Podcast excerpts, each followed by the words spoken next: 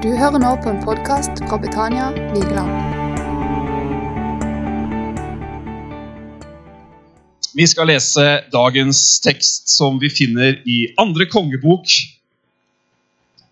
det fjerde kapitlet. Og Vi skal lese om en dame som eh, opplever at hverdagen treffer henne brutalt og kraftig. Andre kongebok 4.1. En kvinne som var enke etter en av profetdisiplene, ropte en gang til Elisha. Din tjener, som var min mann, er død. Og du vet at din tjener fryktet Herren.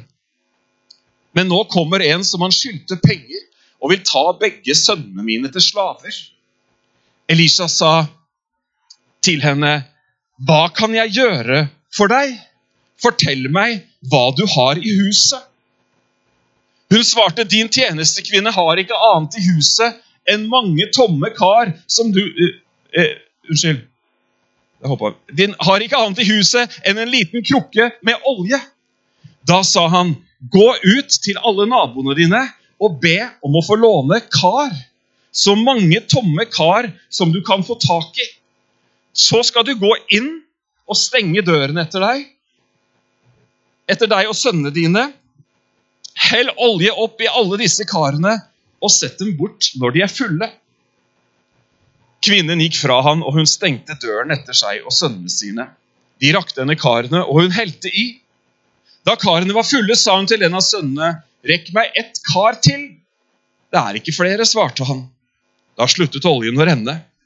Hun gikk og fortalte dette til gudsmannen, og han sa, Gå og selg oljen og betal gjelden din, så, du, så du og sønnene dine kan leve av det som blir igjen.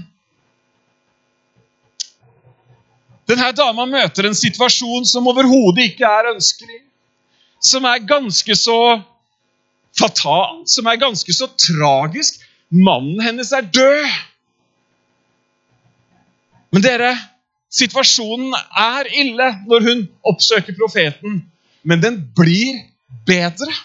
Den blir faktisk veldig bra. Og jeg tror at denne historien her i andre kongebok har noe å si til oss mennesker her på Vigeland i 2020 akkurat nå.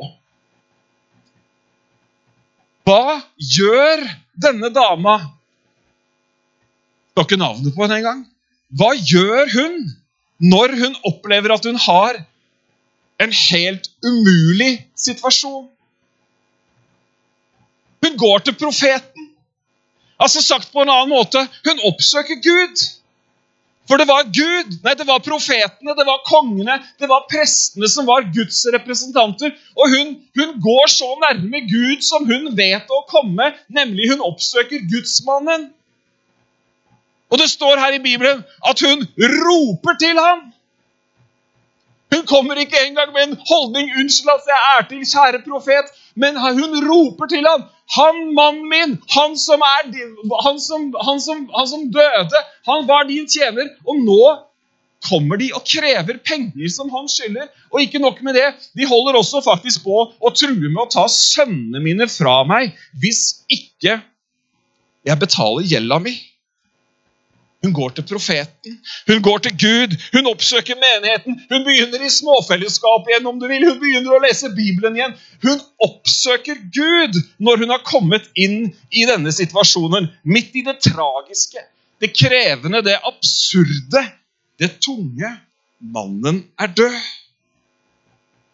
Så er det nettopp det hun gjør, som er det viktige. Det er det som er det nydelige, det er det som er skjønnheten i denne historien. Hun beveger seg i retning av Gud når det blir tøft.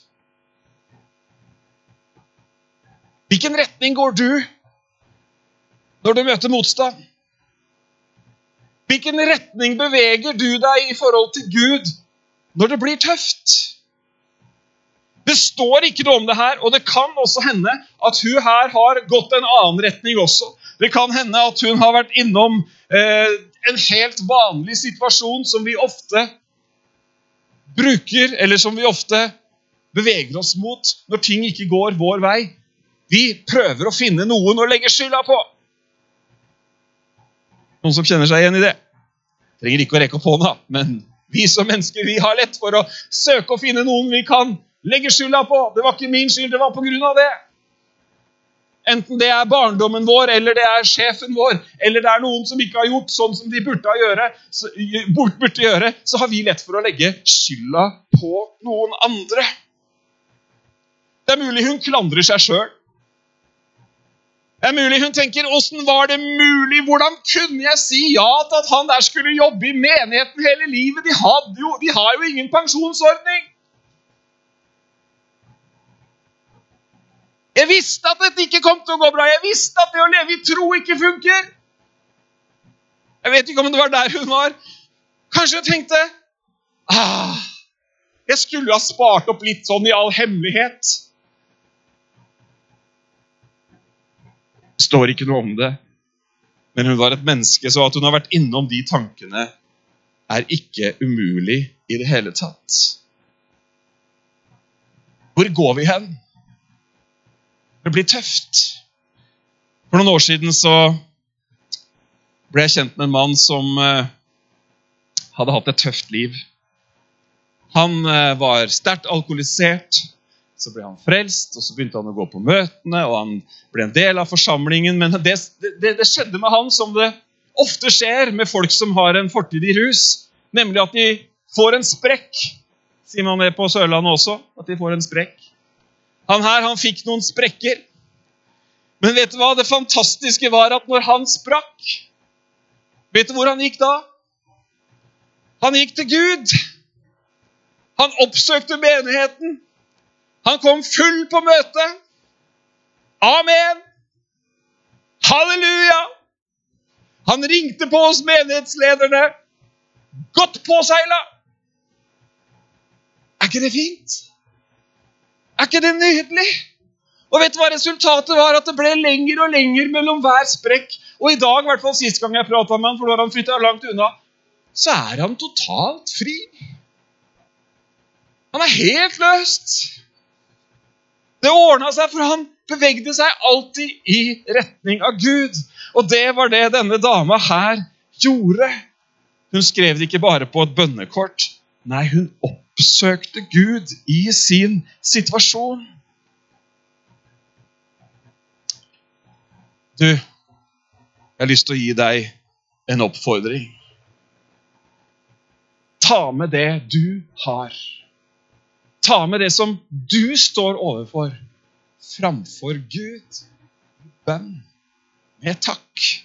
Jeg vet at vi allerede har vært innom det, men siden jeg også hadde det i notatene mine i dag, så skal vi se i Filippebrevet kapittel 4.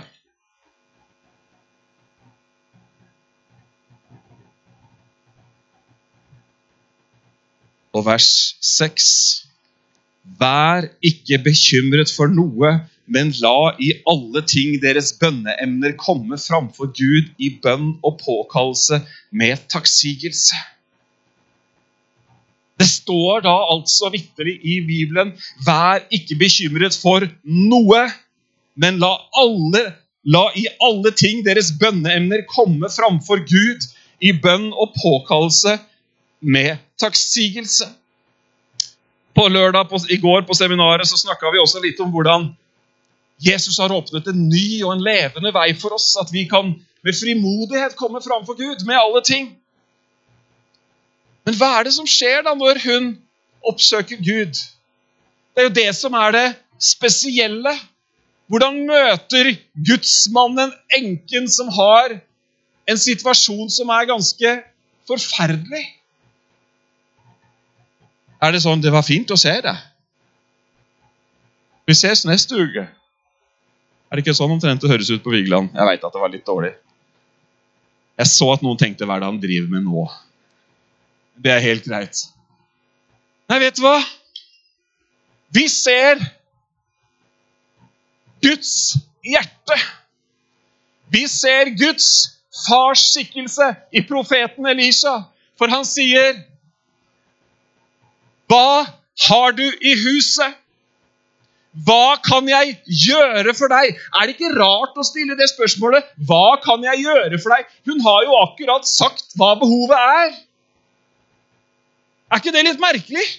Hvorfor sier jeg 'hva kan jeg gjøre'? Jo, du kan dra opp noen penger og betale gjelda mi. Du har vel litt til overs fra profetkollektene dine? Nei, han sier, hun sier ikke det, men han, han, spør hva kan jeg gjøre for deg. Og Vi møter de samme spørsmålene når vi leser historien om Jesus i evangeliene. Det er jo helt merkelig. Jesus blir stoppa av en fyr utafor Jeriko som sitter og roper av full røst 'Davids sønn, miskunn deg over meg!' Bartimeus sitter der blind som en stokk og ser ingenting. Og de fører ham fram til Jesus. Dere har vært på søndagsskolen og kan historien, ikke sant? Og hvor mange har vel ikke lurt på hvorfor spør du om det, Jesus? For Jesus stiller det samme spørsmålet til Bartimeus og sier, 'Hva vil du jeg skal gjøre for deg?' Nei, Jesus, men er det ikke ganske sånn obvious, som de sier i England? Altså, hallo, jeg vet ikke hva disiplene tenkte. Meg, Jesus, men alle vi andre har faktisk da konstatert at denne mannen måtte ledes bort til deg. Han ser ingenting. Hva vil du jeg skal gjøre for deg? Om du vil, sier en annen til Jesus. Jeg vil, svarer Jesus. Hva vil du jeg skal gjøre for deg? Vet du hva? Det er, det, samme, det er den samme måten Gud møter deg og meg på i dag. Når vi kommer med våre behov framfor ham, så sier han, 'Hva vil du at jeg skal gjøre for deg?' Og så dekker vi oss ofte bak ja, men han vet jo alle ting, til og med før vi ber han om det. Vet du hva? Likevel så oppfordrer Bibelen oss til å be han om det. Er ikke det merkelig, da? Er det en sånn magisk formel fordi vi sier det? Nei, det er at når vi setter ord på det, så uttaler vi at vi faktisk tror at han kan gjøre det. Bartimeus sa, 'Herre, at jeg må få syn igjen'. Hva vil du jeg skal gjøre for deg? Hva har du i huset? Jeg tror denne enka visste utrolig godt hva hun hadde i huset. Det står i hvert fall ikke at hun tenkte seg lenge om å komme med en inventar, inventarliste på 26 sider. Hun hadde bare én ting. Hva har du i huset? Jeg har en liten krukke med olje.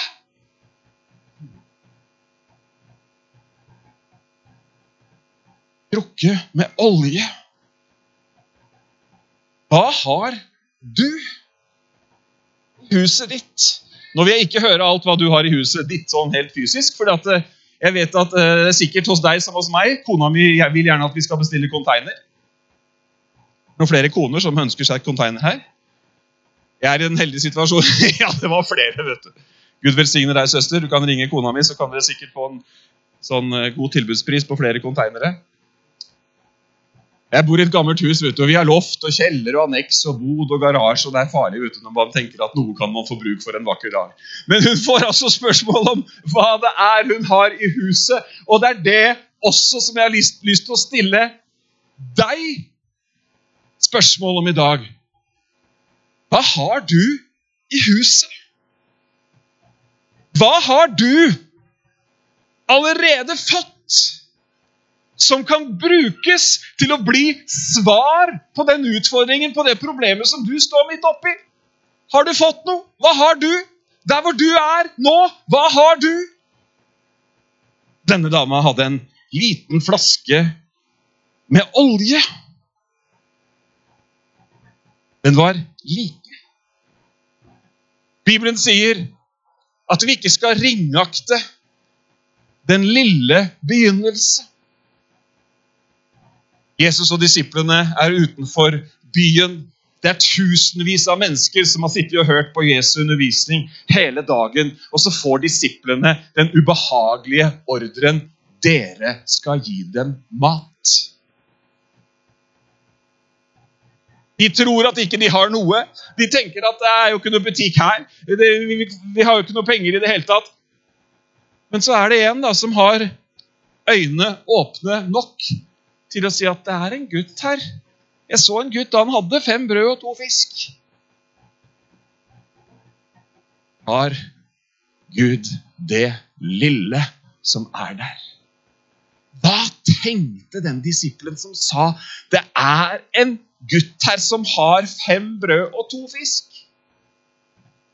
Altså, Unnskyld meg, men de fleste av oss vi hadde ikke nevnt det engang. Hadde du nevnt det? Hvis vi nå Nå, skal vi, nå blir det kjøttkaker etterpå. Det tror jeg blir veldig bra. Men du vet, hvis vi satt her og var skrubbsultne, noe vi ikke akkurat har førstehånds kjennskap til i Velstands-Norge Og så tenker vi at ja, nei, jeg har en pakke havregryn, da. Hvis dere er sultne. Altså, Tanken streifer oss ikke engang på at det faktisk kan være løsningen. Å bruke det vi har, og regne med at det finnes en som faktisk fyller opp i de tomme karene. Er du med på tanken? Jeg lurer på hva den disippelen tenkte. Liksom, jeg, jeg, altså, jeg, tror ikke noen av oss, i hvert fall ikke jeg, jeg hadde ikke turt å foreslå det engang for Jesus. Jeg. Jeg hadde, tenkt, jeg hadde, bare satt blikket ned. Det er sånn man gjør når man blir spurt om noe og ikke vet om hva man skal svare eller ikke har lyst.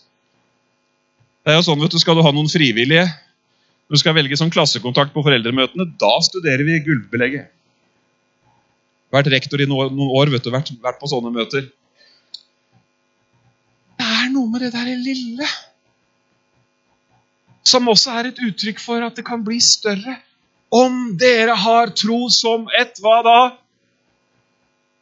Vi tar det en gang til som et Som et sennepsfrø, ja. Oi, oi, oi. Jeg har en liten flaske med olje.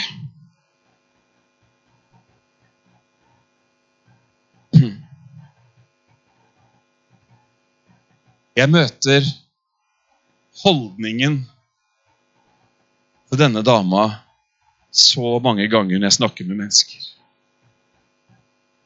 Jeg har ikke så mye, jeg. Jeg er ikke så flink, jeg. Jeg har ikke talegaver, jeg kan ikke synge, jeg kan ikke lede. Jeg kan egentlig ingenting. Alle andre er så flinke. Og så diskvalifiserer man seg sjøl fra å jobbe i Herrens hus, i hans menighet, fordi at man tenker at det lille jeg har, det utgjør ingen forskjell. Men vet du hva? Jeg har stilt deg spørsmålet igjen. Hva har du i huset? Hva har Gud gitt deg som han kan bruke når vi gir det til han? Jeg tror han har gitt deg noe. Hva symboliserer oljen? Oljen er et bilde som brukes i Bibelen om mange forskjellige ting. Og her så kan vi godt si at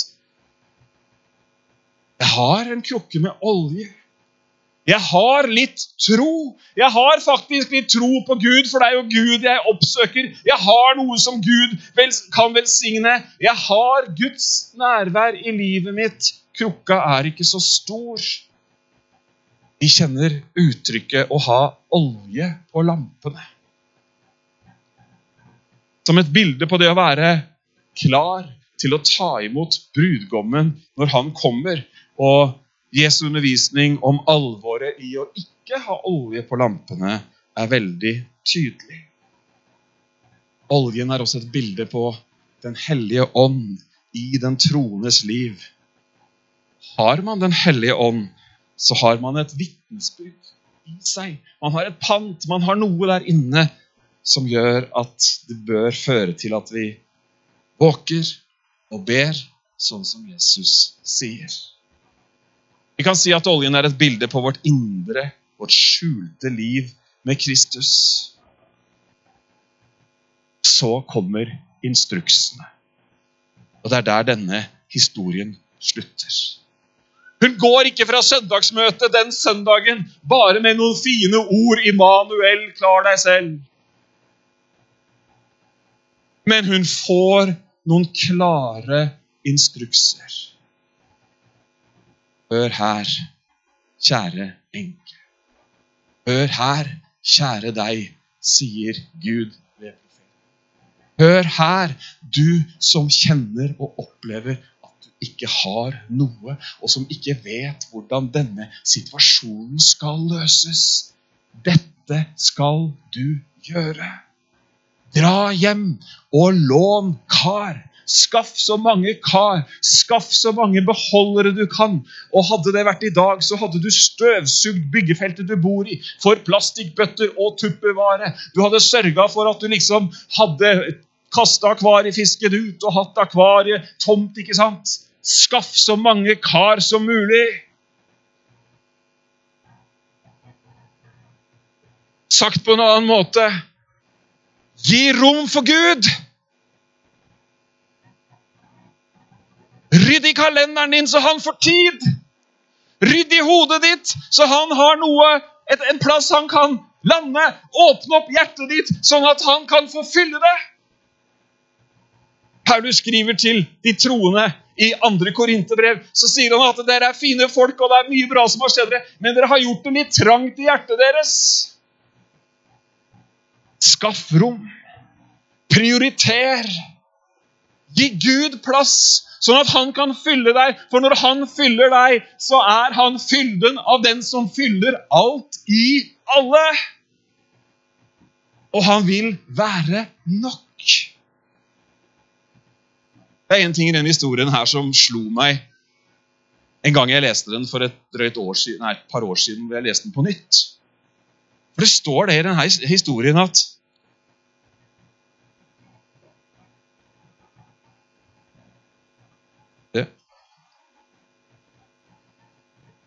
Så skal du gå inn, sier profeten.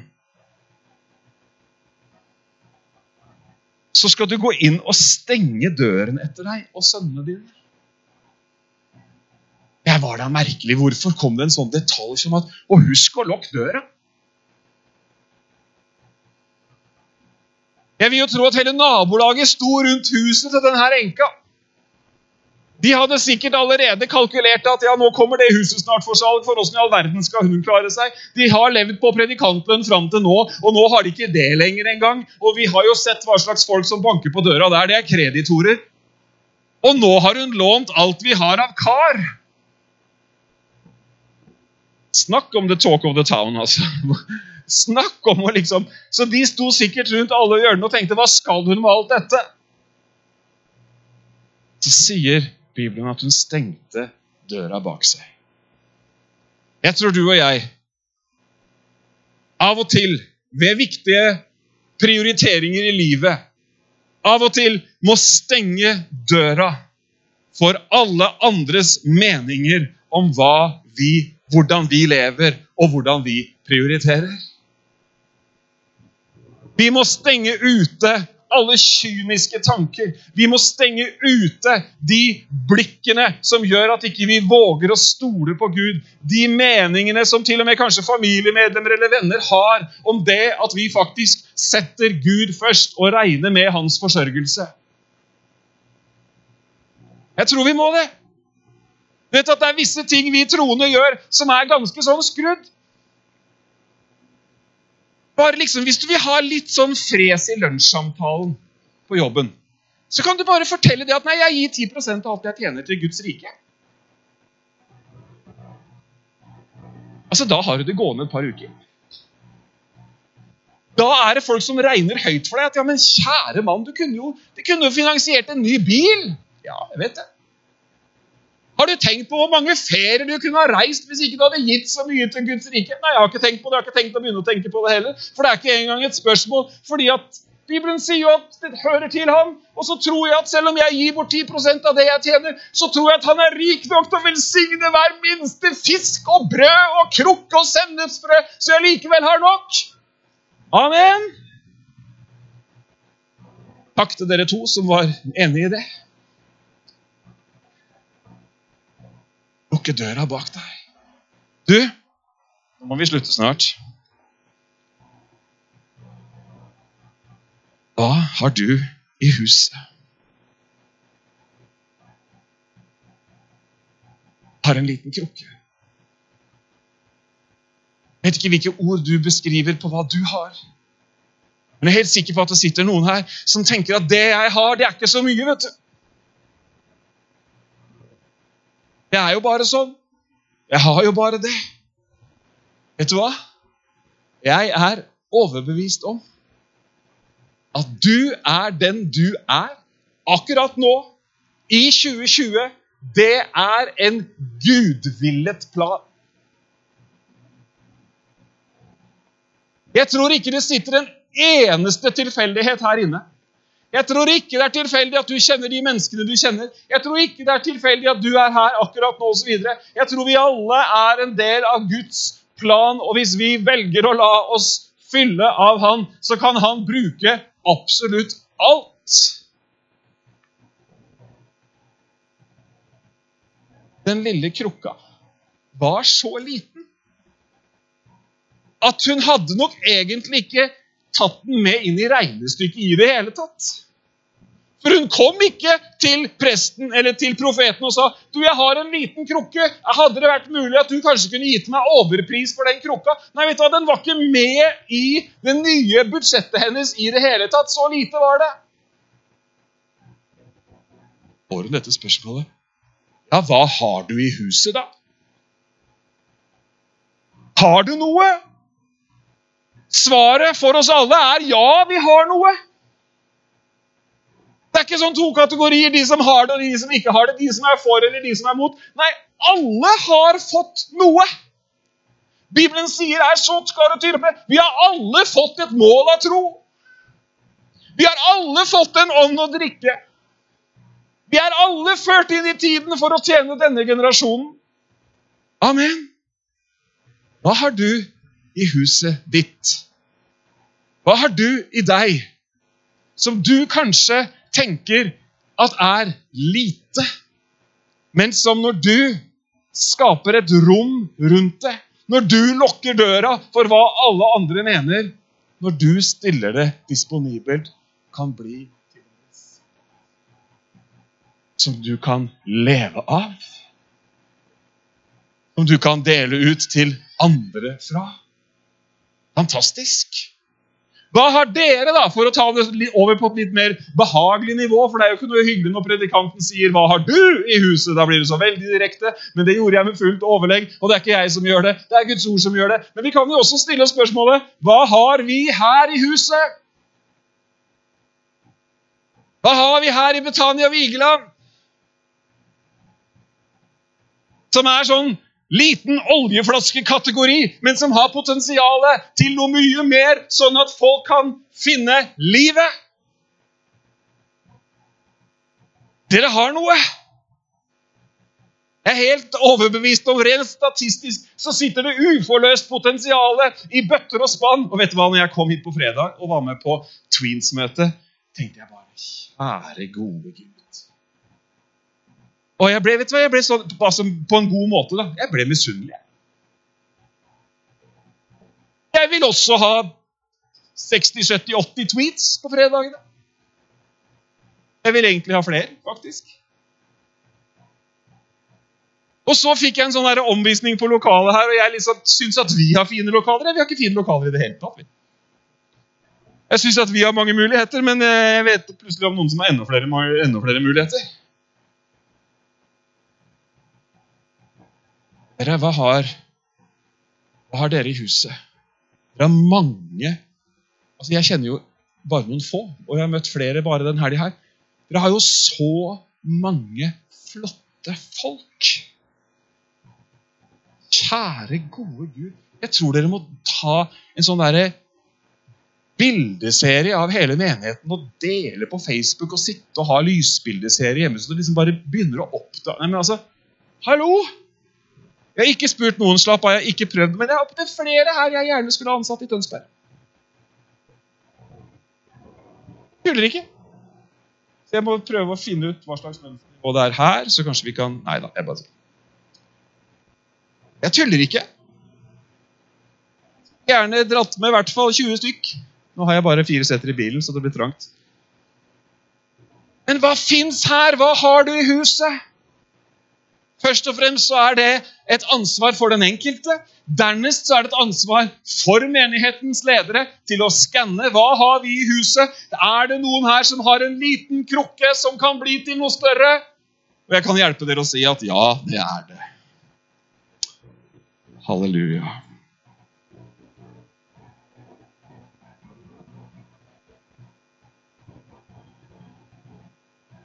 Jeg tror at det er mange mennesker som vet så inderlig vel at de har en liten krukke. Jeg tror at det er så mange mennesker som vet at de har fått noe av Gud. Gave. Kall. En utrustning. Et hjerte. Som Gud bruker for å nå andre mennesker. Som han vil bruke manglene i ditt eget og ikke minst i andres. av det du har. Og skaff flere kar. Gjør deg disponibel. Gjør deg tilgjengelig. Skaff deg tid.